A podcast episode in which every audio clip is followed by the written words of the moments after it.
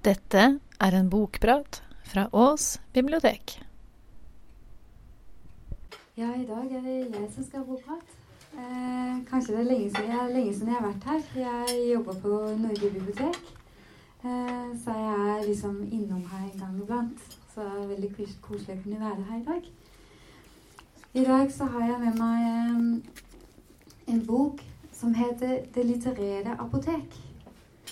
Og den er skrevet Den er skrevet av Nina George. Nina George hun er tysk, og hun er utdanna journalist og forfatter. Og dette er hennes første bok som er oversatt til, til norsk. Men denne, den er solgt i 25 land, så den har vært ganske populær. Ja Denne boken den handler om en helt spesiell mann. Denne mannen han er ikke som noe annet slag. Han eh, er bokhandler, og han har en egen bokhandler. Og det er en båt som ligger eh, til kai i Paris, på Sienen.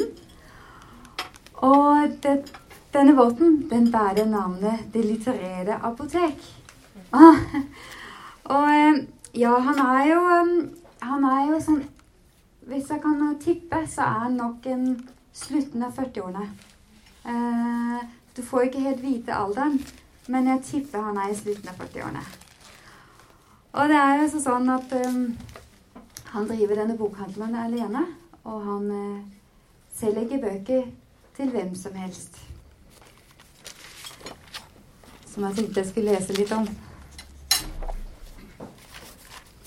Og så selger han disse bøkene som uh, medisin på et vis.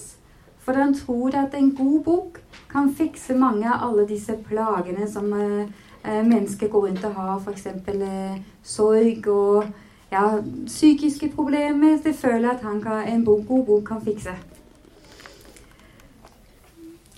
Nei, sa do neste morgen også. Denne boken vil jeg helst ikke selge dem. Forsiktig tok han natten ut av hånden på kunden. Av alle de mange romaner i bokskipet hans som bar navnet Det litterære apotek, hadde hun valgt nettopp den beryktede bestselgeren til Maximilians alias Max Jordan. Kunden står ved styret på bokhandelen. Men hvorfor i all verden ikke? Max Jordan passer ikke til dem. Max Jordan passer ikke til meg. Akkurat. Det, han er ikke deres type. Min type. Og unnskyld meg, må jeg få lov å gjøre meg klar, dere må oppmerksom på at jeg kom hit til bokskipet deres for å finne en bok, ikke en ektemann. Må sjå. Med all respekt, det de leser, vil på lang sikt være avgjørende for hvilken mann de velger å gifte dem med. Hun mønstret han med et smalt blikk. Gi meg boken og ta imot pengene mine, så kan vi begge late som om det er en god dag. Det er en god dag. Jeg tror sommeren begynner i morgen, men denne boken får de ikke, ikke av meg.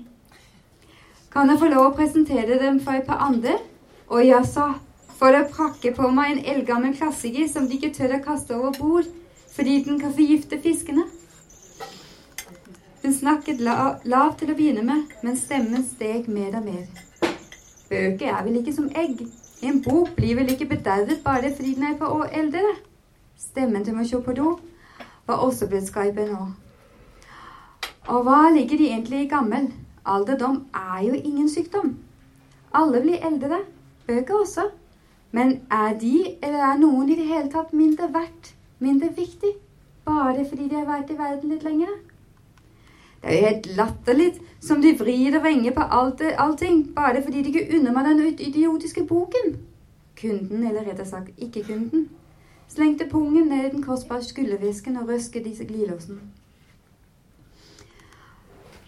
Og hun, øh, han fulgte etter henne eh, da hun ra, rasende trampet gjennom lasterommet i bokskipet og ropte til henne i det svake lyset mellom reolene. De har ett valg, madame. De kan gå og spytte på meg, eller de kan spare dem selv for mange tusen times fremtidig kvale med, fra, dette, fra med dette øyeblikket. Takk, jeg er i gang. Ved å søke beskyttelse i bøker istedenfor nytteløse forhold til menn som behandler dem mer eller mindre likegyldig, eller, tåpelig, eller i tåpelige spisevaner fordi de ikke er tynn nok, eller fordi for den ene mannen, eller ikke tåpelig nok for den andre mannen? Hun stanset ved det store kanappvinduet ut mot scenen og gnistet mot Mishobodo. Hva er det de tillater dem? Bøker beskytter dem mot dumhet, mot falske forhåpninger, mot de gale mennene. De utruster dem med kjærlighet, med styrke, med kunnskap. Det er livet fra innsiden. Nå må du velge. Bøker eller Før han rakk å fullføre setningen, kom en, en av sightseeingbåtene tøffende forbi. Ved rekka sto en gruppe kinesiske kvinner under paraply. De fikk øye på det berømte litterære eh, apoteket i Paris og begynte å fotografere ivrig. Sightseeingbåten sendte brungrønne dønninger inn mot stranden, og bokskipet begynte å riste. Kunden vaklet elegant, med høye hæler.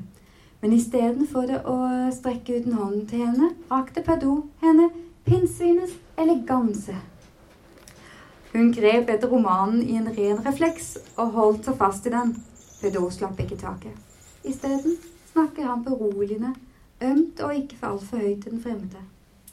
De trenger et rom hvor de kan være alene, ikke for lyst, med en ung katt som, kan som kan holde med dem i selskap, og med denne boken som jeg ber dem om å lese langsomt, så de kan hvile dem litt innimellom også. De vil få mye å tenke på, og antagelig kommer de til å gråte også, over dem selv, over årene som har gått, men etterpå vil de føle dem mye bedre. Da vil, de også, da vil de også vite at de slett ikke er nødt til å dø akkurat nå, selv om kanskje det føles slik fordi denne mannen ikke oppførte seg anstendig mot deg. Og de kommer til å bli glad glad igjen, og i dem selv, og istedenfor tenke at de er stygge og naive.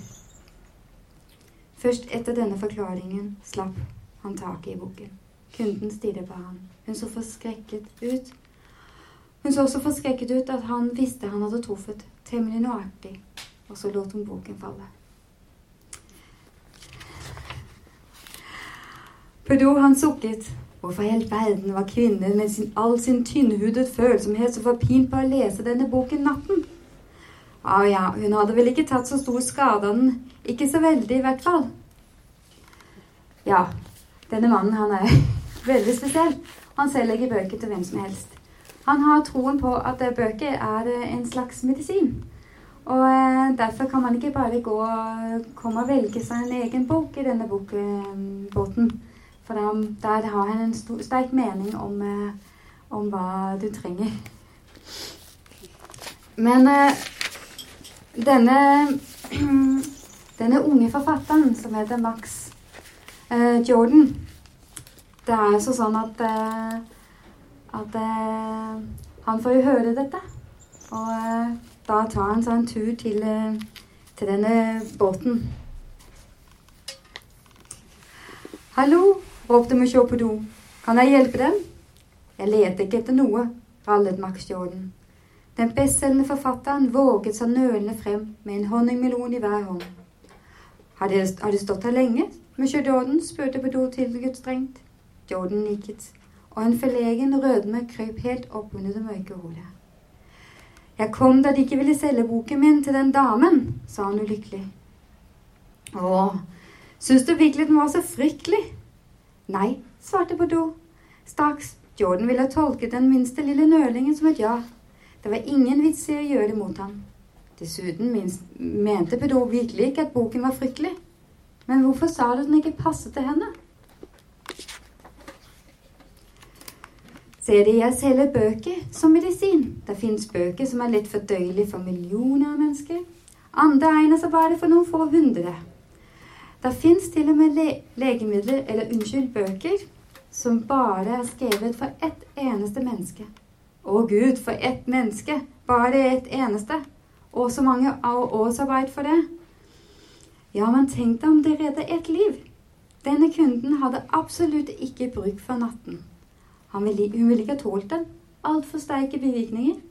Jordan overveide det, betraktet de mange tusen bøkene i lastebåten reol, i reolrekkene, på stoler og i stabler. Men hvordan kan de vite hvilke problemer folk eh, har, og hvilke bivirkninger som kan oppstå? Tja, hvordan skal han forklare at Jordan han ikke helt selv var klar over hvordan han gjorde det? Pedro brukte ørene, øynene og instinkt i samtale med hver enkelt menneske.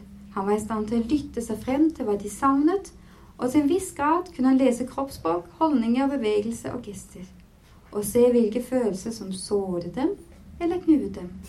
Og sist, men ikke minst, hadde han en evne som faren kalte til å gjennomhøre skue. Du ser, jeg hører gjennom alt de folk flest kamuflerer seg med, og under kamuflasjen ser, alt, be, ser, alt, ser du alt som bekymrer dem, alt de drømmer og alt de savner. Alle menneskene har hver sine talenter. Evnen til å gjennomhøre skue var altså hans.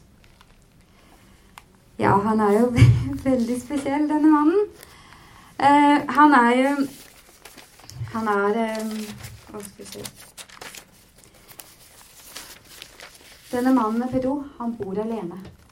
Han eh, har ikke bodd sammen med noen i det hele tatt. Han snakker nesten ikke med noen andre enn de kundene som kommer inn i, inn i bokbåten hans. Og det er altså sånn at han møtte sin store kjærlighet for 20 år siden. Og denne kjærligheten eh, Det var jo en dame som eh, han ble helt betatt av. Men etter en liten stund så kom han hjem en dag, og da fant han bare et brev for henne. Og eh, det brevet han aldri turte å åpne. Og det er altså sånn at i starten av boken så skjønner man at denne kvinnen egentlig er død. Denne kvinnen skrev dette brevet fordi hun var døende og skulle dø, og derfor ville hun ikke ha Han skulle se henne eh, at, Han skulle se henne dø hen, da, og lide. Så derfor forlot hun ham.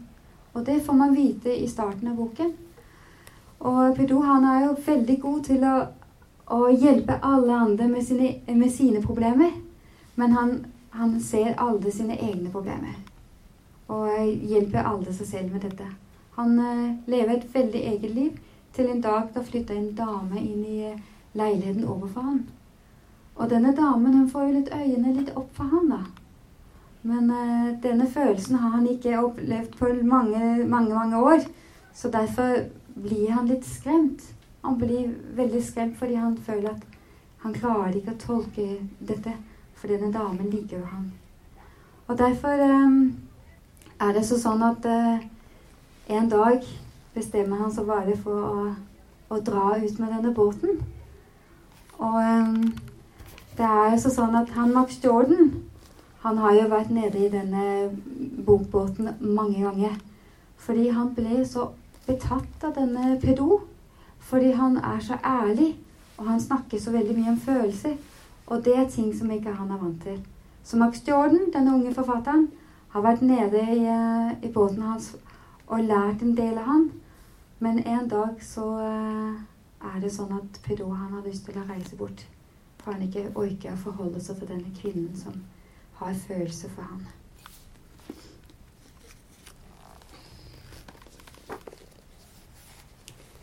Pedro trampet over gange hardt på langgangen for å få den ordentlig løs for underlaget. Han løftet den opp, skjøv den inn på dekk i bokskipet og hoppet om bord. Selv, øh, selv og stengte porten i rekka. Han gikk akter til styrhus og sendte tanke til Katrine, denne damen i naboleiligheten hans. Og vred om tenningsnøkkelen i posisjon til oppstart etter ti sekunder. Da Pedro opprømt teltet ned til null, dreide han om nøkkelen videre. Motoren startet uten å nøle.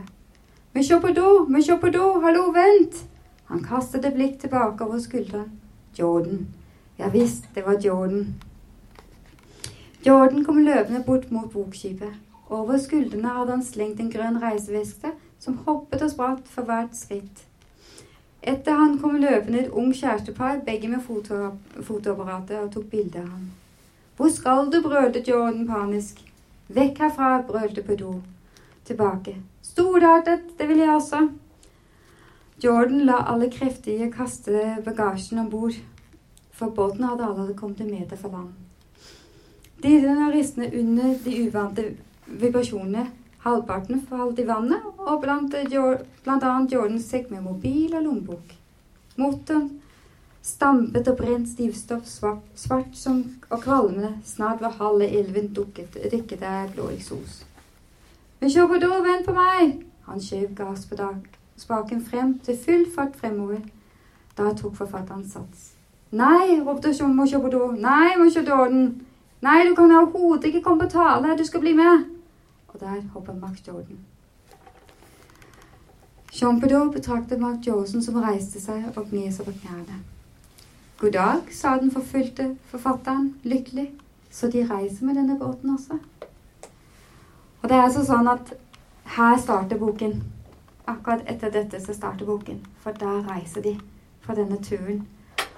Og han Chauvedot, han er jo veldig spesiell, og han har en spesiell oppfattelse av alle disse byene, alle disse menneskene som de drar til opp langs scenen.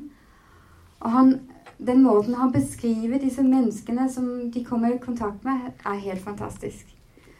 Så dette er en utrolig god bok som kan leses i sommer om en eh, ganske spesiell eh, bokhandler som, eh, som kommer nok i kontakt med sine egne følelser etter hvert på denne turen. Så det var litt om den, i hvert fall.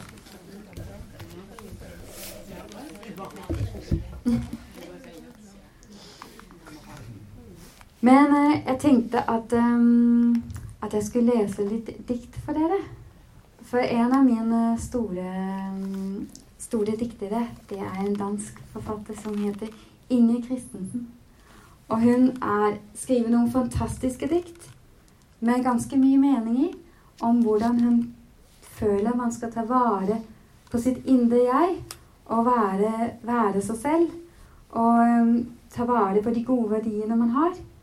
Og det også med hvordan man tar vare på naturen og ser hva naturen kan bringe og gi deg. Så jeg tenkte jeg skulle lese tre små dikt av henne. Er det ok det er på dansk?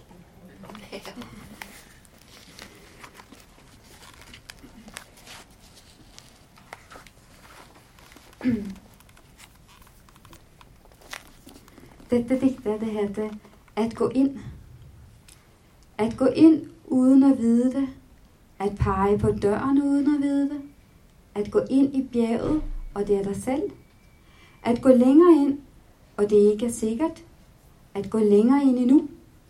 Og det er hele tiden rom, og det er deg de flytter.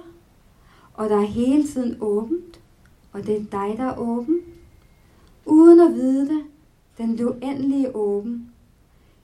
De hadde tent en sol, de hadde heist et flag at gå lenger inn. Så ja, hun, hun, skriver veldig bra. Jeg syns hun er helt fantastisk, og jeg er jo oppvokst med henne. Eh, min morfar han eh, elska henne òg, så, så, derfor har jeg hørt mange av disse, disse diktene i min barndom. Men et av mine favoritter, det er eh, 'Kontakt', heter det. Tegn en spinkel sirkel i luft eller vann. Legg en finger på munnen og avstem troen. Legg en hånd på hjertet. Svar deg ærlig. Ingenting svare ingenting ønske. Forsvar din fremmede hånd med åpne arme. Forsvar de svage med tillid. Svar de sterke med tillid. De sterke og svage, som alle har fremmede hender. Som alle har fremmede hender. Der langsomt bevæges og byttes de svage, de stærke. Svar dig ærligt. Tegn en cirkel i luft eller vann. Ja, jeg er jo for å Jeg er jo for å, å ta vare for de svake. Og en av de tingene som jeg er, er mest glad i, det er jo barn. Jeg syns at barn er, kan ikke forsvare seg selv. Så derfor er det veldig viktig at man forsvarer barn i verden i dag. Og, og det sier litt om dette diktet her, at vi må faktisk ta vare på dem som ikke kan ta vare på seg selv. Og hjelpe dem på en vei videre.